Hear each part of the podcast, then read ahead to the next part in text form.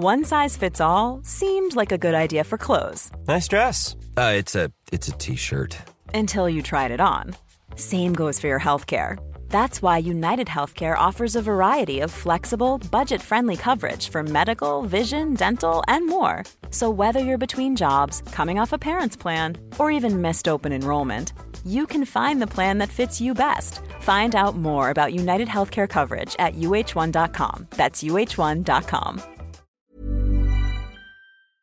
Hormoner är en naturlig och livsnödvändig del av kroppen. Ändå finns det en stor okunskap kring hormoner och vi märker att många inte känner till hur menscykeln eller olika preventivmetoder fungerar. Den här okunskapen kan skapa en rädsla för hormonbehandlingar eller hormonella preventivmetoder och också göra det svårt att veta om och när man ska söka vård för mensrelaterade besvär. Hormoner diskuteras ofta i media, men ibland saknas en vetenskaplig grund för informationen och osanningar och myter sprids och får fäste. Vi på Babys podcast tror att kunskap kring kroppen och dess funktioner bidrar till en stärkt självbild och ett ökat välmående hos kvinnor. Det är ju just därför vi gör den här podden. Kunskap är makt helt enkelt. Därför vill vi tipsa om en hemsida där du kan få den vetenskapligt grundade fakta du behöver och förtjänar. Hormonguiden.se är ett initiativ av Gedeon Richter och är en hemsida framtagen i syfte att öka kvinnors kunskap om hormoner. Som barnmorska och gynekolog gillar vi verkligen den tydliga informationen med bra bilder, strukturerad genomgång av menscykel och preventivmedel. Gör dig själv en tjänst och skaffa dig mer kunskap om din kropp och dina hormoner. Besök hormonguiden.se.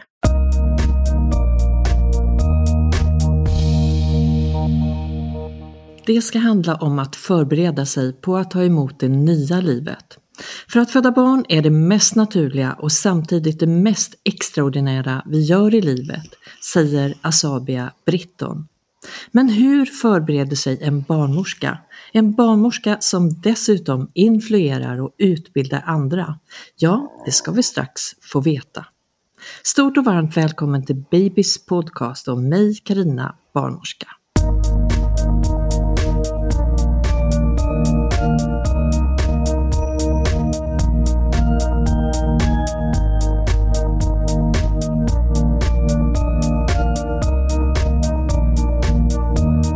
Hej och välkommen till dig Asabia. Hej Karina. Välkommen åter ska jag väl ändå säga. Ja, tack så mycket. Vi har hört ett antal gånger, vi har setts också, men, men i Babys podcast ett antal gånger. Mm. Fantastiskt att du gästar oss igen och grattis till trean. Tack snälla. Det närmar sig. ljuvligt. Ja, nu närmar det sig verkligen. Det är väl några veckor kvar, eller vem vet? Man vet ju inte när det här barnet kommer, men inom eh, några veckor i alla fall. VF om tre veckor typ. Ja, och nu har du eh, slutat jobba för att eh, boa in dig, för att förbereda dig på bästa sätt.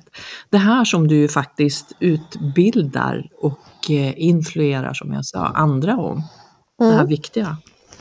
Ja precis. Jag, eh, jag jobbar väl lite lite med mina egna grejer sådär men jag har i alla fall slutat eh, mitt eh, vanliga mottagningsjobb som är ändå en ganska stor del. Och eh, nu är det mission eh, varva ner och bara liksom försöka fokusera på den här födseln och ladda inför den. För det är ju ändå så att vi föder med inte bara kroppen utan en stor del av själen. Ja, alltså det mentala är ju, skulle jag säga, alltså det, allting hänger ju ihop, det är ju det. Men det har en väldigt stor del i det hela. Um, hur liksom, lugnt nervsystemet tillåts att vara och hur, vart man är i sin sinnesstämning och så. Så det försöker jag jobba mycket med. Alltså jobba mycket med, det låter så himla ansträngande. Det är inte särskilt ansträngande, det handlar mer om att göra mindre skulle jag säga, för min del i alla fall. Göra mindre och göra rätt kanske, för den där tankekraften den ger ju ändå styrka. Inifrån. Verkligen. Och jag försöker mm, ja, men jag försöker tänka, det försöker jag väl alltid i vardagen, men tänka att jag eh, har en oxytocinhöjande liksom, aktiviteter och en sån vardag. Att jag försöker göra sånt som jag mår bra av, som jag vet um, frisätter det här braiga hormonet oxytocin och som gör mig lugn och um, som gör mig väl förberedd i sinnesstämning och i kropp. Mm. För, för du har verkligen klivit in i den där oxytocinkojan och när man läser din bok, eh, boken Föda, mm. så pratar du om att sammanfläta det mm, som vi pratade om då, kropp och själ, det mentala, spirituella, emotionella och det fysiska. Mm. Och in i, i det där flowet, i, i rätt flow. Och där eh, du sa det, det är ju inte, det är inte så jobbigt, men det är ändå fokus på rätt saker. Nej precis, det är inte så jobbigt, men å andra sidan så märker jag ju att eh, dels jag kan också ha svårt att bara alltså varva ner, för man är van att vara igång så himla mycket, eh, van att man ska prestera och göra och alltså prestera på ett sätt ett kanske mer konkret sätt än vad man gör nu. Jag försöker tänka att jag, även om jag bara ligger i soffan, jag håller på att skapa ett barn här. Eh, så det är ju väl i allra högsta grad att göra något. Men man är van att vara igång så mycket så att det kräver ändå en hel del ansträngning. Och också att det är lite, jag märker att i alla fall inom vissa kretsar så är det lite normbrytande till exempel att gå mm, Alltså sluta jobba några veckor innan för att bara fokusera på det här. Eh, jag säger bara inom citationstecken, att det är, um, många har liksom, känner det här kravet på sig att man ska jobba in i det sista, man ska um, orka med allting som vanligt och så. Och det kräver ju viss ansträngning kanske att våga gå emot det. Så det är inte helt eh, för mig är det ganska lätt, men jag tror att det inte är helt lätt alla gånger att gå emot det om man är, har sin omgivning som kanske tycker att det är udda eller så. Eller att man känner sig som en latmask för att man bara vill tänka på sig själv. Men, jag, men, eh, jag förespråkar det i alla fall. Men du, det blir ju ändå lite provocerande för här finns ju faktiskt inget rätt eller fel. Mm. Det här är ju ett individuellt vad som man gör i den unika kroppen. Och det kan ju inte, det som är rätt för dig kan ju inte någon annan behöva moralisera eller lägga Nej, sig precis. i. Och det är väl det som jag tycker är det viktiga. Det är inte precis, och det passar inte heller alla um, kanske att, att uh, göra, alltså ha fria dagar och bara slappa. Men uh, det som jag önskar för alla gravida, om man Sen så har man också olika förutsättningar såklart beroende på ens livssituation, hur, hur mycket ledigt man kan ta. Men jag eh, önskar att man åtminstone fick möjligheten att känna in, alltså verkligen känna in själv. Vad är det min kropp behöver och att få möjligheten att följa det. Det är det som, det är väl målet med all den här förberedelsen och så, att man får utrymme att lyssna på den här inre rösten och få utrymme och um, trygghet nog att få följa den. Och det här, det här kan vi ju bara titta på vad forskning säger i det här. Vi pratar ju många gånger med oxytocinprofessor Kerstin Unas mm. Moberg, eh, som du ju också varit i kontakt med, som jag har eh, väldigt ofta kontakt med och har gästat oss eh, ett antal gånger. Hon har mm. ju hon har skrivit över fem, 500 vetenskapliga artiklar eh, i, i det här, om, eller om det här Helt området. galet. Ja, men det är helt galet. Men här kan vi ju ändå se då och lyssna på fakta och vetenskap som finns. Eh, dock återigen individuellt hur, hur vi väljer att, att gå tillväga. Men det finns ju väldigt mycket fördelar och det blir som en investering att kanske gå in i sig själv, att ha den här lugna tiden. För vi pratar om oxytocinkojan, att eh, Eh, slå på oxytocinkranen eh, för att få bästa förberedelse. Mm. Och det här handlar återigen om, om eh, det fysiska och mm. mentala delen. Precis, och jag känner också själv för mig personligen hur um, kroppen också talar sitt tydliga språk med.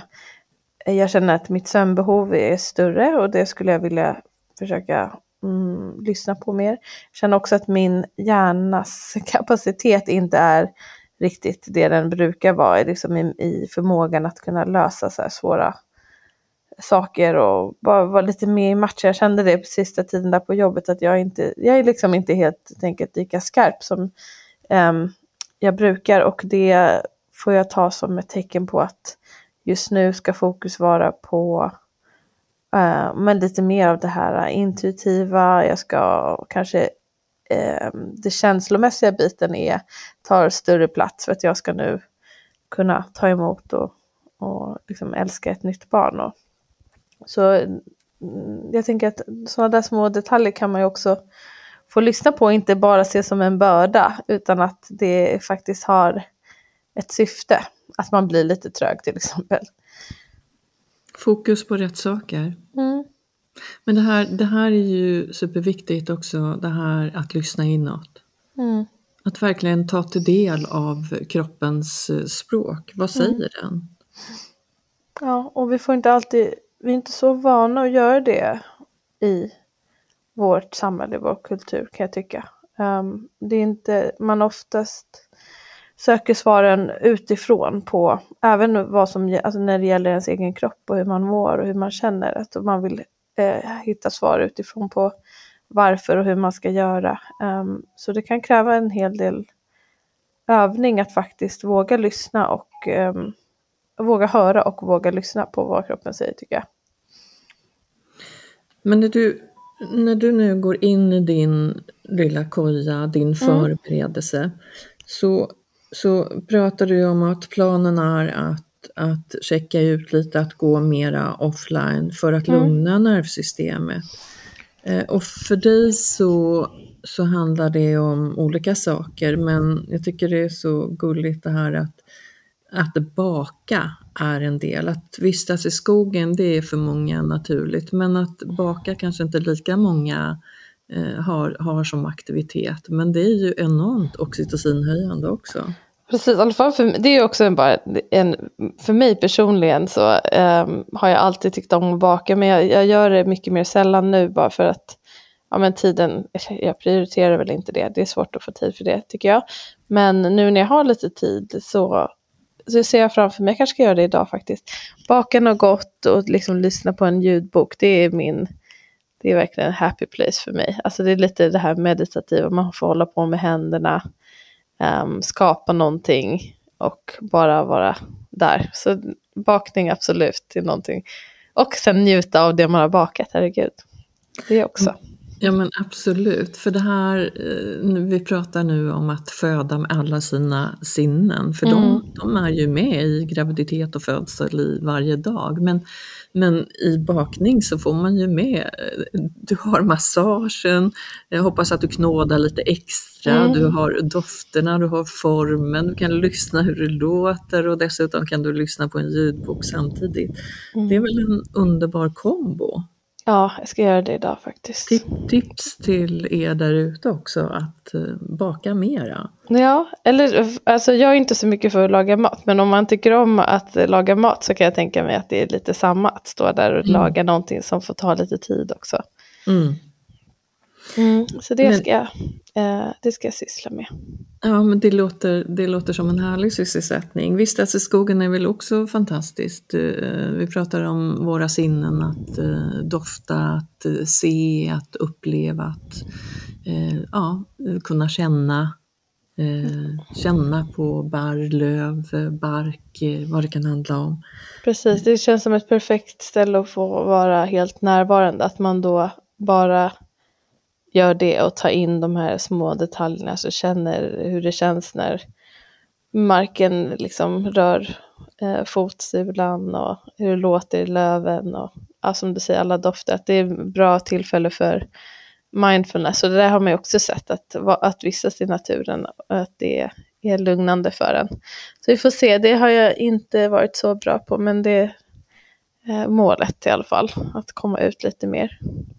För du pratar ju också om att meditera och, och, här kan man ju verkligen köra en kombo av mm. meditationen med mm. att vara ute i natur, skog och natur. Precis, det behöver ju inte vara det här att man så sätter sig ner stilla en kvart utan det kan ju vara um, men man kan också ta liksom lite mikromeditation i vardagen och det är väl där min ambitionsnivå ligger. Att ta lite små stunder att bara um, andas och vara helt närvarande och bara tänka på här och nu. Och du som du säger, det är ett jättebra tillfälle. att gå där i skogen. Men att bli ompysslad av sin mamma är ju en, en, jag vet att du har skrivit ner eh, som en del av din plan. Mm. Ja, du läser mitt inlägg här som jag har Ja. skrivit. Ja. Ja, men det är jättegulligt. Det är ju fantastiskt. Att Ja. eh, för det första, alla har kanske inte den kontakten med sin Nej. mamma av olika anledningar. Kanske inte bor på samma ort eller eh, rent mentalt inte ja, hänger med varandra på det sättet. Mm. Men eh, det låter fint tycker jag. Ja men eh, vi, jag och mamma, alltså hon, jag, ehm, vi, vi har, har varit väldigt, väldigt tajta och vi är väl det på ett sätt nu fortfarande men senaste åren så kanske det inte eh, blir lika mycket umgänge. Och det är väl mer för att jag, jag är också mamma och har mitt och fixar med mina barn. Men jag sa, jag sa det till henne faktiskt um, för någon vecka sedan att jag nu känner jag en stark längtan efter att bli, alltså jag sa på engelska, för jag pratar engelska, bli mothered av henne. Um, att jag kände det bara att jag måste få vara lite barn också. Jag vill att hon ska komma hit och bara laga något till mig och att jag får vara liten. Så kände jag och det ska hon få göra. Det, det är det mysigaste som finns tycker jag. Att få också få vara lite, gå in i barnrollen när man eh, har rollen som mamma och ansvar hela tiden. Så det ska hon få hjälpa mig med. Ja, det låter både mysigt och fint tycker jag, Mm. om man har den kontakten. Och Mm. eh, säkerligen lika mysigt och fint för henne. Jag hoppas det. Mm, att få vara närvarande, för det här är ju ett sätt, verkligen ett sätt att vara närvarande också. Mm. Men du, det, det, när, när du kliver in i oxytocinflowet nu för att boa mer för, för det här som, som kommer födseln, eh, så, kan vi se att du har ju radat upp ett antal saker eh, som, som du vill göra mer. Det här som, som vi pratade om, att äta gott och vackert. Vi pratar Mm. ju då om sinnena som kommer igen. Eh, Maten är ju viktig för oss av olika anledningar, att vi får kraft och energi till att föda. Men det Mm. här är någonting som du satsar på och vill fokusera mer på.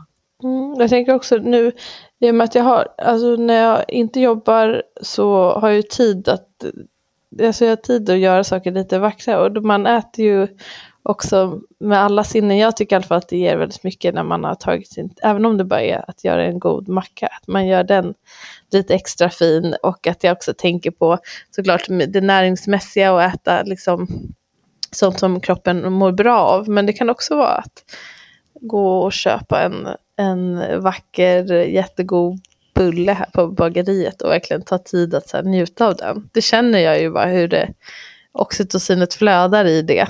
Och sen så efter, så det gör jag, tänker jag på nu, att försöka äta gott och vackert och liksom ta tid att njuta av maten. Men um, det ska också bli kul efter förlossningen så ska min eh, syster vara här ett par dagar och hon har planerat så mycket mat och grejer som hon ska laga till mig. Hon är jätteduktig på det där med att just göra vacker mat som också är näringsrik. Så det ska jag också utnyttja. Ehm, att ta vara på matens betydelse i läkningen också. Det ska bli jättekul. Ja, för jag tänkte precis komma till det. Det här är ju, näringstillförseln är ju faktiskt en viktig del i återhämtningen efter Mm. födseln. Eh, många vill amma, det tar sin kraft och energi och eh, man kanske har haft en, en lång förlossning, komplicerad förlossning.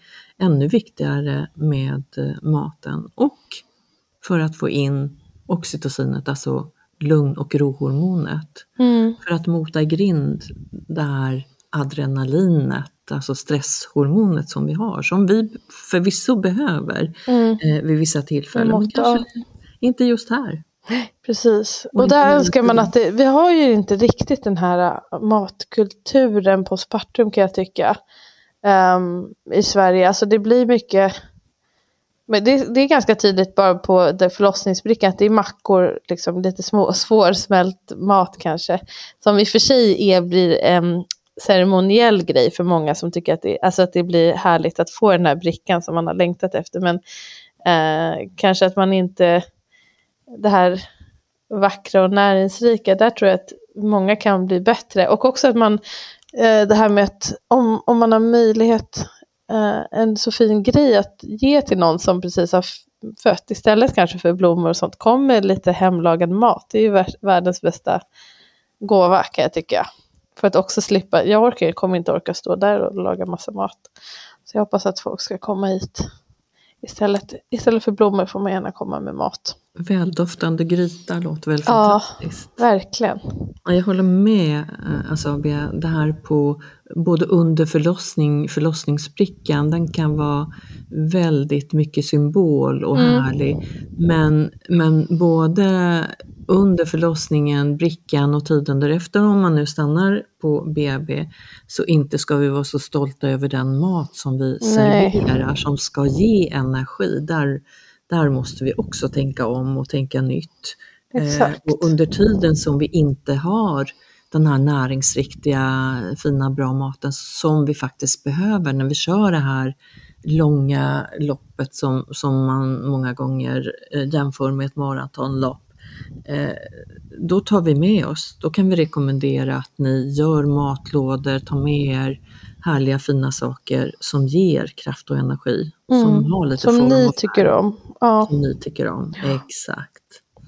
Ja, men mat, maten är viktigt. Härligt att du satsar mer på det.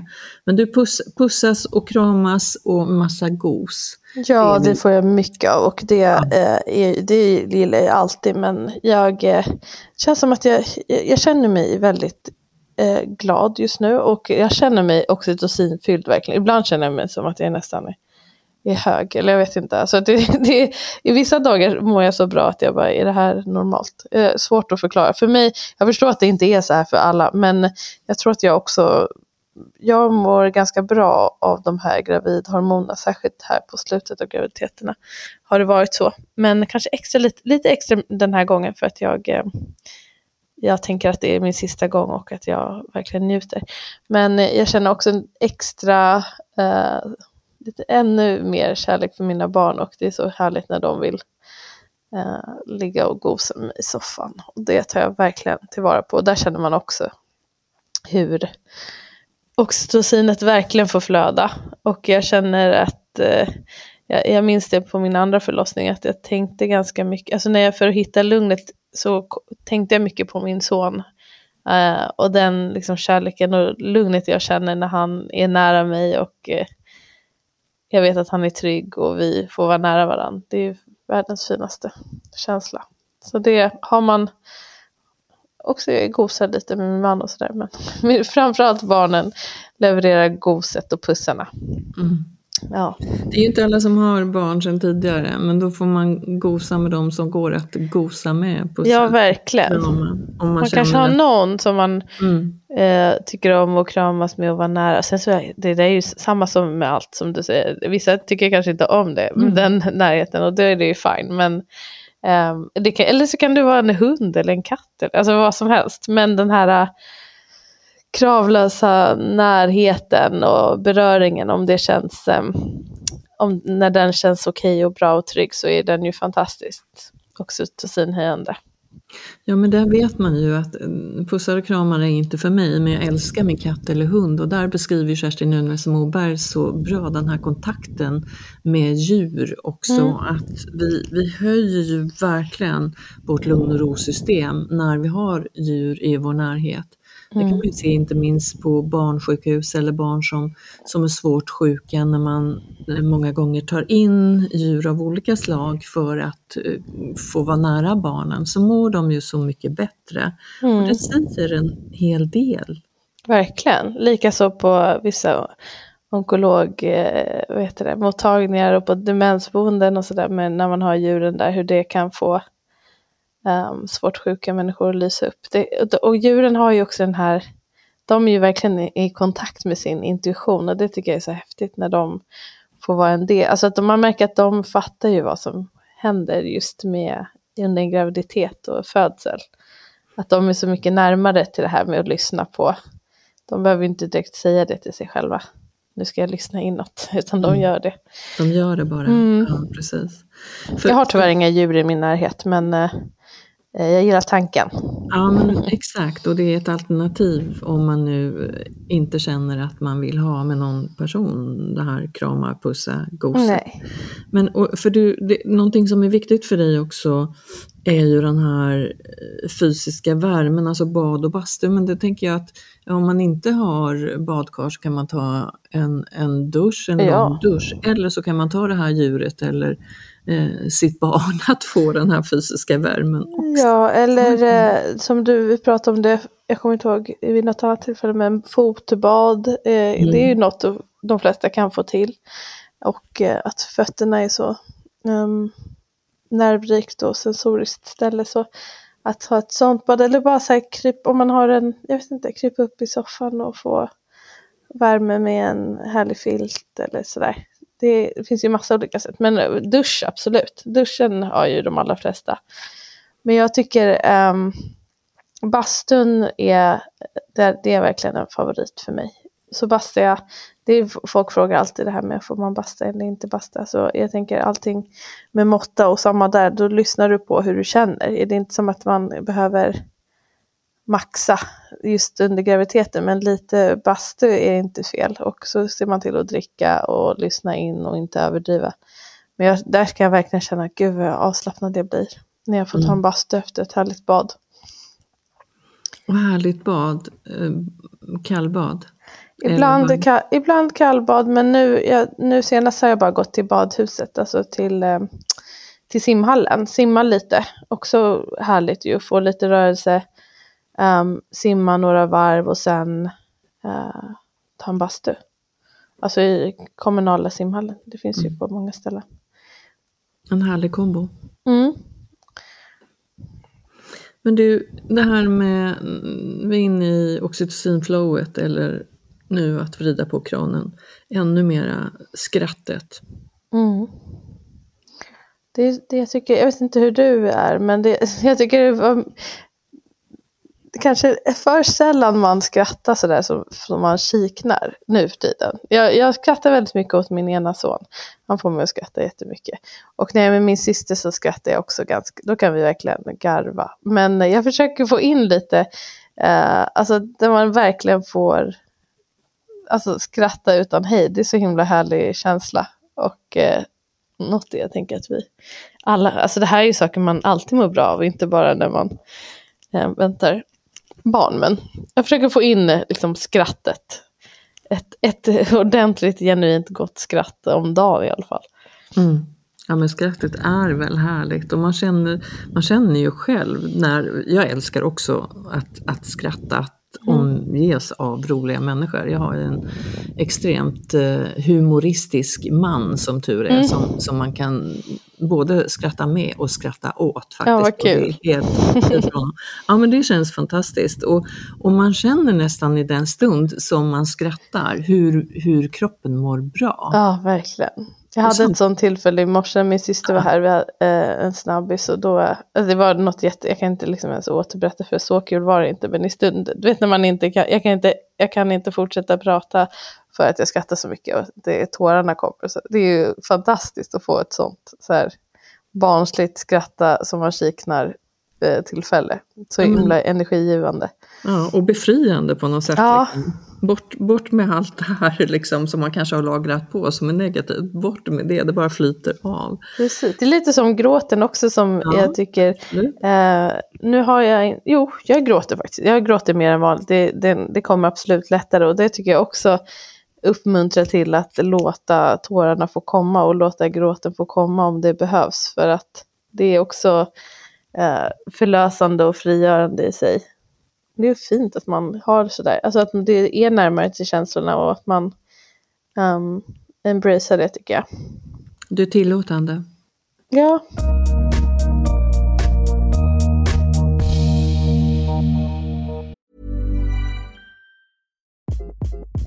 Hi, this is Craig Robinson from Ways to Win, and support for this podcast comes from Invesco QQQ, the official ETF of the NCAA. Invesco QQQ is proud to sponsor this episode and even prouder to provide access to innovation for the last 25 years. Basketball has had innovations over the years too. We're seeing the game played in new ways every day. Learn more at Invesco.com slash QQQ. Let's rethink possibility. Investco Distributors, Inc.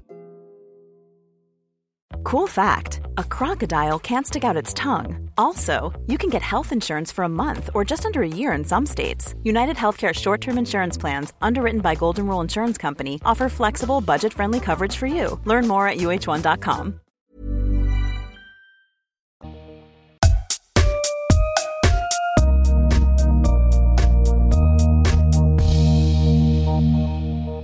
Det är, här, det är också så skönt tycker jag.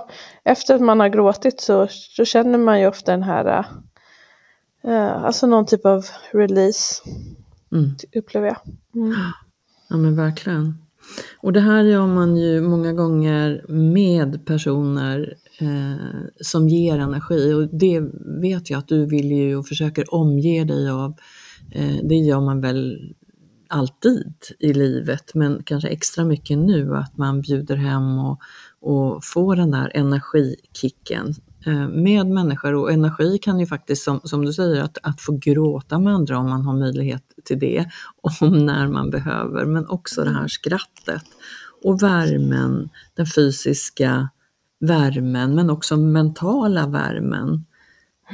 Personer Mm, i ja, ens precis. omgivning är viktiga. Och eh, jag menar, jag, det, är väl eh, sen ganska många år tillbaka så försöker jag väl vara med folk som ger energi, men det är ändå någonting ehm, jag vet inte, det har, det har inte alltid varit en hel självklarhet att vara, att ehm, det är inte som att alla i, i min omgivning alltid har varit sådana som ger mig energi och som jag känner fullständig ro med, så det är ändå lite något som ibland kräver lite ansträngning att så här, verkligen tänka efter, är det här någonting?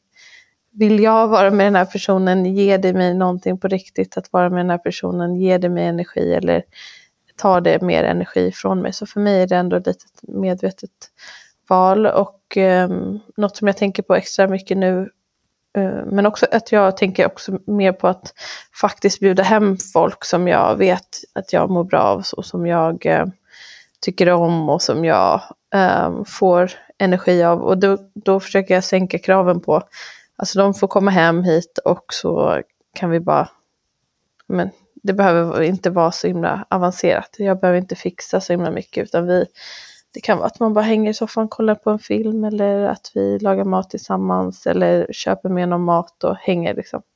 Så det ska jag också få in här, eller jag har redan gjort det. Jag, jag, jag bjuder hit folk där det bara känns eh, härligt och inte ansträngande utan bara mys. Det, det känner jag också att det här, det mår jag bra av. Det, det kan vara svårt i vår kultur att göra det. Jag som är mycket i Spanien och på Mallorca där vi har vårt andra boende. Där tycker jag ändå att det är lite enklare att, ja men där, där är det någon som ringer som säger vi, ja men vi ses om tre timmar där eller vi kommer över. Eh, kanske framförallt ses ute någonstans. Och då är det helt plötsligt 12 personer som joinar. Här ska det planeras och eh, det ska vara eh, städat om vi ska ta hem folk, vi ska ha lagat mat, det ska vara en viss sorts mat. Jag generaliserar nu men, men eh, där har jag nog också lärt mig mer att ja, men vi kan väl ses imorgon och vi, kan, vi, kan, vi tar uh, hämtmat eller Ja, eh, vi beställer en pizza, vi, vi gör något. Huvudsaken är ju faktiskt att vi umgås. Ja, Och för nu- annars blir det ju absolut inte kravlöst. Typ det där, som jag sa, jag, jag älskar inte, jag är inte värsta matlagaren. Min man lagar maten här hemma, men om jag också ska bjuda in massa och jag ska laga mat och jag ska fixa som du säger, det ska vara städat. Då blir det ju mer, sen så brukar det bli härligt när folk väl är på plats, men det också innebär en hel del stress inför. Um, som gör att jag kanske drar mig från att ens bjuda folk, vilket är tråkigt. För jag tycker det är väldigt härligt när de väl är här. Men då är min lösning mer som du säger att sänka kraven och bara tänka vad är det viktiga egentligen? Att vi ska få vara med varandra. Mm. Ja, precis. Hänga lite, umgås mm. lite. För då har man ju också lättare att ta de, där, men, de här energitjuvarna som man faktiskt omges av mm. Eh, titt som tätt och här och där. Om man har de här energifulla människorna, då har man lättare att ta de där tjuvarna också, har jag en känsla av. att Då bortser man, ja, ja, men jag behöver inte liksom gå in i det här eller umgås mm. med de här personerna eller den här personen. Mm. Ja, och jag tror att vi måste bestämma oss för hur vi ska leva vårt liv mycket mer. Men du, i, i det här eh, inför förberedelsen så är ju en stor del är ju närhet, massage, vi pratar om det, vi pratar avslappningsövningar, visualiseringar. Eh, och, och här vet jag att någonting som jag pratat med dig tidigare Sabia, det är ju aff affirmationerna mm. eh, och, och, dess eh, eh styrka kan man väl ändå säga. För mm. här är ju att stretcha sig mentalt, att få en mental träning och visualisering. Och de är mm. viktiga för dig. Ja, verkligen. Det var um, ett redskap som jag introducerades för framförallt inför min förra förlossning. Uh, när jag gick uh, hypnobirthing-kurs. Affirmation är en av hypnobirthings grundstenar. Och um, jag hade inte använt mig av affirmationer tidigare, alltså att man har lite korta påståenden eller meningar, um, positiva sådana, som man liksom vill tro på vill ska vara verklighet, som man upprepar för sig själv för att tänka mer positivt och också få ja, men med tankens kraft eh, inbringa en känsla och också då en fysisk respons i kroppen. Det är det som är tanken med affirmationerna, att man ska men, tänka mer positivt och också få en mer positiv eh, vardag eller om man nu tänker på födseln att den ska bli mer positiv med de här positiva tankarna inför. Um, och jag blev då tillsagd av Frida Detter som gjord, var min uh, hypnobirthing-instruktör då, uh, att sätta upp uh, lite informationer hemma som jag skrivit själv. Um, och det kändes lite små flummigt, men jag gjorde det. Eh, och under födseln så upplevde jag att det, de, de här påståendena eller meningarna som jag hade läst, att de verkligen var med mig och att det eh, bidrog enormt positivt till hela min upplevelse och min syn på födandet. Um, att, det var, att det var verkligen inpräntat i mitt huvud, alla de här meningarna som jag hade upprepat för mig själv i flera veckors tid. Så jag har verkligen sett deras kraft och jag um, har nu haft eh, affirmationer uppe här i lägenheten i några veckor och jag njuter varje gång jag läser dem och tänker ta in, ta in orden och eh, ja, det blir också ett sätt att här, tänka på födseln och eh, att jag närmar mig den. Så det är något jag verkligen rekommenderar. Det, det är inte, det kostar inget i princip, man behöver lite papper kanske. Um, och åtminstone skadar det inte. Och man har också sett, man har eh, liksom gjort forskning på att affirmationer eh, har en påverkan, en positiv sådan. Så det är något man alla kan prova. Inte bara inför födseln, men i livet i, i huvudtaget. Man kan ta bort negativa tankar på det sättet med att pränta in i vår så kloka annars hjärna att, mm. att man vill göra någonting positivt. Och där mm. har du ju god hjälp av dina barn. Mm, ja, de hjälpte mig att göra. Vi, vi, äh, jag hade ju skrivit affirmationerna men så, så hjälpte de mig göra lapparna lite fina med klistermärken och ritade på dem och så. Jag tycker det också är härligt när jag sitter runt att det blir som, alltså de, de påminner mig om barnen också vilket äh, ger mig ro i sig. Och äh, det blir som ett sätt också att tänka på att jag har ju, för nu handlar mina affirmationer om att föda.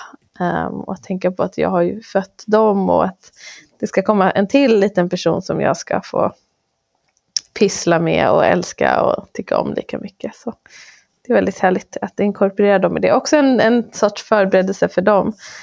Um, om det som komma skall. Vi pratade ju mycket om affirmationerna och varför jag skrivit dem och uh, vad de olika affirmationerna betyder för mig och så. Så det var en fin stund. Men de blir ju verkligen involverade. Mm. Men du, jag vet att du har tänkt dig att eh, du ska få återkomma till eh, hur de lyder, eller några av dem. Men när vi pratar om dina barn och hur engagerade och involverade de är, eh, så vet jag ju att du eh, födde på sjukhus första barnet, eh, andra barnet hemma med stöd av barnmorskor. Och din plan är att föda hemma med stöd av de som du känner trygghet med, eh, barnmorskor nu också. Men eh, är dina barn en del, kommer de vara en del, kommer de vara Ehm, närvara? Jag vet inte, alltså det, beror, det är det som är lite med att föda hemma, att man, eller det är väl helt, överhuvudtaget när man föder, man vet ju inte exakt när det kommer ske och så. Ehm, så vi får se, jag, jag vet inte faktiskt. Om, om de är hemma och eh, det går fort och de känner sig lugna med att vara hemma, då Um, får de vara det. Jag tror inte att de vill vara med mig liksom inne när jag föder. Eller de har sagt, min ena son han är i alla fall väldigt mån om att han vill inte se något blod har han sagt. Och så här, okej, men då får du, det brukar inte vara så mycket blod, liksom, förutom precis efter. Så det har vi sagt att det behöver han inte se. Um, men om de vill vara där och det känns bra, då är de välkomna. Men vi, jag vet inte. Jag vet inte helt enkelt. Det, är det kommer vara många där som de känner och som eh, skulle kunna ta ut dem eller vara med dem ja, ifall det behövs. Så jag känner mig helt trygg i att resten av gänget löser det i så fall. Om inte det passar att de är där. Och lägenheten är relativt stor, alltså jag kan ju bara stänga om mig om jag inte orkar ha dem i rummet heller. Ja, men du, du tar stunden med familjen Ja, som det kommer. Ja. Men du, de är du- helt med på i alla fall. De vet liksom hur en förlossning går till och så. Ja, de vet det. De Ja. har fått titta på filmer, bilder. Ja, de kollar på förlossningsfilmer varje dag, vill de se det. Så jag känner mig lugn med att de vet och jag har också sagt att sen så vet man ju inte hur mycket de kommer ta in i stunden men jag, jag har förklarat lite hur jag kanske kommer vara, att jag måste gå in i mig själv och hur jag kan eventuellt låta. Så det känns jättetryggt tycker jag. Mm. Ehm, att det kommer vara fine. Och som sagt att det är många här som de känner. Så. Och känner trygghet med. Ja, Mm. precis. Men du, tillbaks till affirmationerna. Om du skulle nämna några eh, som då ger dig kraft. Mm, jag har ganska många här hemma. Vi gjorde så himla, man kanske inte ska ha så himla många för det är svårt att ta in men jag har många i alla fall. Jag kan säga några ehm, som jag kommer på. Ehm, jag kan göra svåra saker. Jag är trygg. Jag njuter av varje våg. Jag välkomnar alla sensationer. Jag litar på alla runt omkring mig. Jag litar på mig. Min kropp är kapabel. Jag är stolt över mig själv hur den går. Det är några av dem som jag har. Mm. Och det här är ju för dig eh, någonting som ger kraft och, och huvudsaken är ju att man gör en affirmation utifrån sig själv. Eh, vad som ska stärka en. Och du pratade om hypnobirthing eh, och vi har ju pratat med Frida Detter tidigare i avsnittet. Hon är ju fantastisk med det här. Ni håller ju också, du och din syster, hypnobirthing-kurser. Men eh, oavsett vilket sätt man förbereder sig på så är ju, har jag en känsla av att affirmationer är någonting som, som ger styrka för väldigt många och man kan se i förlossningsrum eh, även på sjukhuset var liksom tapetserade lite med, med olika formuleringar eller de här meningarna eh, för att just stärka kvinnor i födandet. Meningar, ord som, som man själv då har skapat. Mm, det passar oavsett och som sagt, om inget annat så det är värt ett försök, det skadar inte. Mm. Nej, verkligen inte. Men snart där, Asabia, vad tar du med dig in i födanderummet, både fysiskt och mentalt? Du har pratat om ditt stöd av barnmorskorna, du har pratat om affirmationerna, eh, bra mat har vi pratat om. Är det, är det någonting annat som du skulle vilja rekommendera att ta med sig in under den här tiden som vi föder? Mm. Eh, ja, alltså i huvudtaget att känna till lite om oxytocinet och vad som eh, lockar fram det och hur man kan bevara det och vad som kan skrämma bort det tycker jag, alltså för de som lyssnar, ehm, är jättebra kunskap att ha.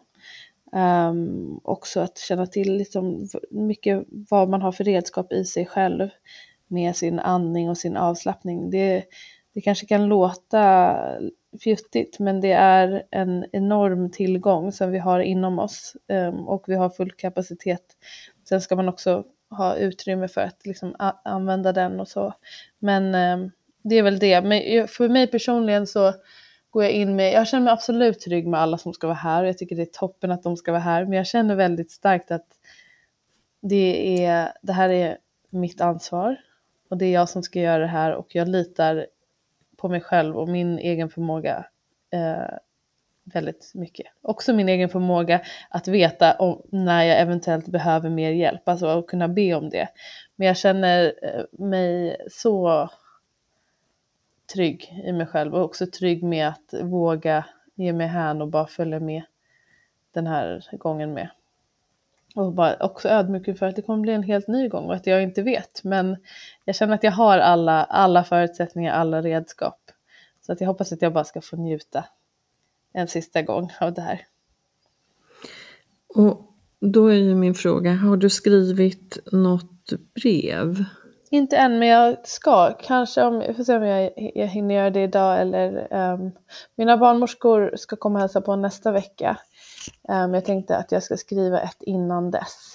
Um, och då kommer jag skriva framför allt då till mina stödpersoner. Det är lite, de, de är ett gäng och de har lite olika roller. Jag tänker att jag ska uh, dels peppa dem och också berätta för dem lite vad jag önskar av dem. Och sen så har jag tänkt skriva lite kort om vad, ifall det skulle bli förflyttning till sjukhus, um, dels vad de som följer med mig kan tänka på men också uh, vad de ska förmedla till personalen där och så, så gör jag nog också en liten ifall att det skulle bli kejsarsnitt, hur kan man göra det till en så bra uh, upplevelse för mig som möjligt. Så det blir som en uh, A, B och C-plan. Och det här brevet är ju för många väldigt viktigt, jag skulle säga de flesta. Dels från den födande och kanske partnern till från partnern, alltså att partnern kan skriva ett eget sånt brev. Men för mig som vårdpersonal, som barnmorska, så tycker jag det här är, är ett fint sätt att ta del av vem som är i rummet vilka personer jag har där, framförallt den födande kvinnan, hur jag kan stötta och hjälpa henne på bästa sätt. Vi ja, måste... precis. Alltså, vi har också, det, nu är ju vården uppbyggd så att de flesta föder med personer som man inte känner och Exakt, att det kan vara tyvärr. svårt i, i ett, bara ett ögonblick att, ja, att få en, hel, en bild av en person eller, liksom, det, eller det går inte att få en sån helhetsbild och det här, brevet kan verkligen vara hjälpsamt i mm att lära sig lite mer och, och skapa en närmare kontakt. Jag håller verkligen med. Jag, jag, ser det här brevet som viktigt av många olika anledningar. Eh, vet du vad det är för kön? Nej, min man vet, jag vet inte. Ah, är det så? Det är mm. inte viktigt för dig att veta? Jag, jag tycker överraskningen är jätterolig. Mm. Ja, så vi, det, allting, eh, oavsett är, är det barnet jättevälkommet och jag tycker det är ja. jättekul att inte veta. Men jag tycker mm. också det är väldigt fint att min, min man vet och har en liten hemlis själv i den här graviditeten. Ja, du tänker så. Det är lite gulligt ju. Mm. Jag tycker det känns fint att han har en egen del av graviditeten. Det är inte... Um, annars så är det ju mycket mitt såklart, eller jag som bär barnet. Men uh, det känns fint att han har sitt lilla egna. Ja, fint tänkt Asabia. Mm. Men det, det pratas ju mycket om, om det här med, med vilda graviditeter och, och oassisterade födslar, free birth och så vidare. Men du har, du har ändå valt att ta hjälp under graviditeten, stöd och hjälp från, från eh, barnmorskor och, och eventuellt läkare och tänker ha barnmorskor eh, med under födseln Eh, förhoppningsvis eh, planerat hemma. Mm. Eh, men bara korta tankar om, om den diskussionen, free birthing. Dels tycker jag diskussionen om hemfödsel överlag är tyvärr, äh, vet det, det grundar sig ganska mycket okunskap och tyckande hejvilt, alltså utan några belägg. Och en vanlig grej som man gör är också att blanda ihop Ehm, att föda oassisterat hemma och att föda med barnmorska hemma. Alltså det är bara en, en ganska viktig distinktion att göra just när man pratar om säkerhet och vem, hur säkert det är att föda hemma. Alltså det, då måste man vara tydlig med vilka man pratar om och under vilka kriterier. Och där tycker jag att man eh, behöver vara lite tydligare. Sen så tycker jag att alla har rätt att göra sina egna val och riskbedömningar. Men jag personligen, um, jag väljer ju hemfödsel eh, delvis för att det är ett säkrare alternativ för mig som frisk omföderska som har eh, nära till sjukhus som har eh, mm, två normala födslar i bagaget och har två kompetenta barnmorskor med mig.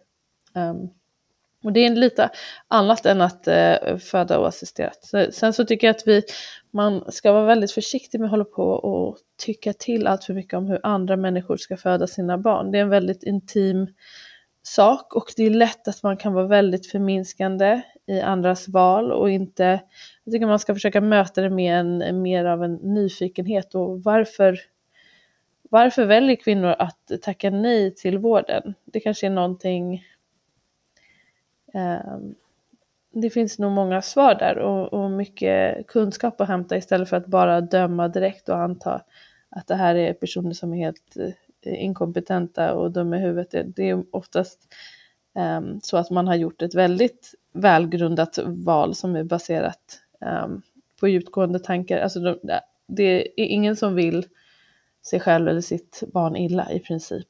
Um, men sen har man olika tillvägagångssätt där. Men för mig absolut, är det, är, känns det jättetryggt att ha gått på mina uh, besök hos barnmorskan och att ha mina barnmorskor med sig. Sen så är det ju så att de vid en hemfödsel oftast, eller det beror på vad man har för hembarnmorska, men uh, på min andra födsel till exempel, då gjorde de ju väldigt lite och det är så jag hoppas den här gången också, att de inte ska behöva göra särskilt mycket men att de finns där ifall att. Har du tänkt att du ska föda i vatten? Jag ska föda dit eh, kroppen kallar, jag vet inte. Mm. Jag har ett badkar ifall att jag vill föda i vatten. Mm. Mm. Ett öppet sinne. Mm. Får se. Ja, det låter fantastiskt. Du har någonting eh, fantastiskt att se fram emot. En, ja. en, tredje, en tredje graviditet är du i, en tredje födsel eh, är inom kort faktiskt. Mm. Mm. Får vi se efteråt, alltså, om det blir det här vi pratar om många gånger, den här luriga trean. Ja, får se. eller hur? Du har hört talas om den när du jobbar ja. som barnmorska också, eller hur? Absolut. Den kan te sig helt annorlunda. Ja. Men magiskt, unikt, individuellt varje, mm. varje gång. För det här är ju en alldeles så egen liten person. Så är det som ligger där inne just nu och som snart ska få komma ut. Ja. Men du, vad, fin, vad fint. Du har delat med dig om, om så himla mycket av dina förberedelser. Det är jättefint att få prata med dig. Men du, jag önskar dig alltså, all kärlek och all lycka in i födandet med, med all, all, all kraft. Tack snälla. Eh, och vi hoppas också att kunna välkomna dig tillbaks efter födseln. Mm. Och såklart när, när du har landat och boat och njutit och allt vad man behöver eh, en tid efteråt. Så att eh, inte bara födseln utan den här postpartumtiden har vi inte pratat så mycket om idag. Den är inte oviktig på något enda sätt. Det har du och jag pratat om tidigare. Att den borde vi lyfta än mm. mer för det, det är en otroligt viktig tid. Men den kanske mm. vi kan få återkomma till sen, ett tag efter att du har fött. Det tycker jag. All kärlek till dig. Stort tack. Asabia. Tack snälla Karina. Hej då. Hej. Ja, vilket underbart, fint, viktigt och känslosamt avsnitt med Asabia Britton som vi såklart önskar all, all lycka som till er där ute som, som snart är i födandet. Eh, vi finns som sagt med Babys Podcast och Partner in Crime Rebecka Kaplan Sturk är snart tillbaks. Du kan följa oss på Instagram med samma namn, ett Babys Podcast. Så vi hörs snart igen. Ta väl hand om er där ute. Hej så länge.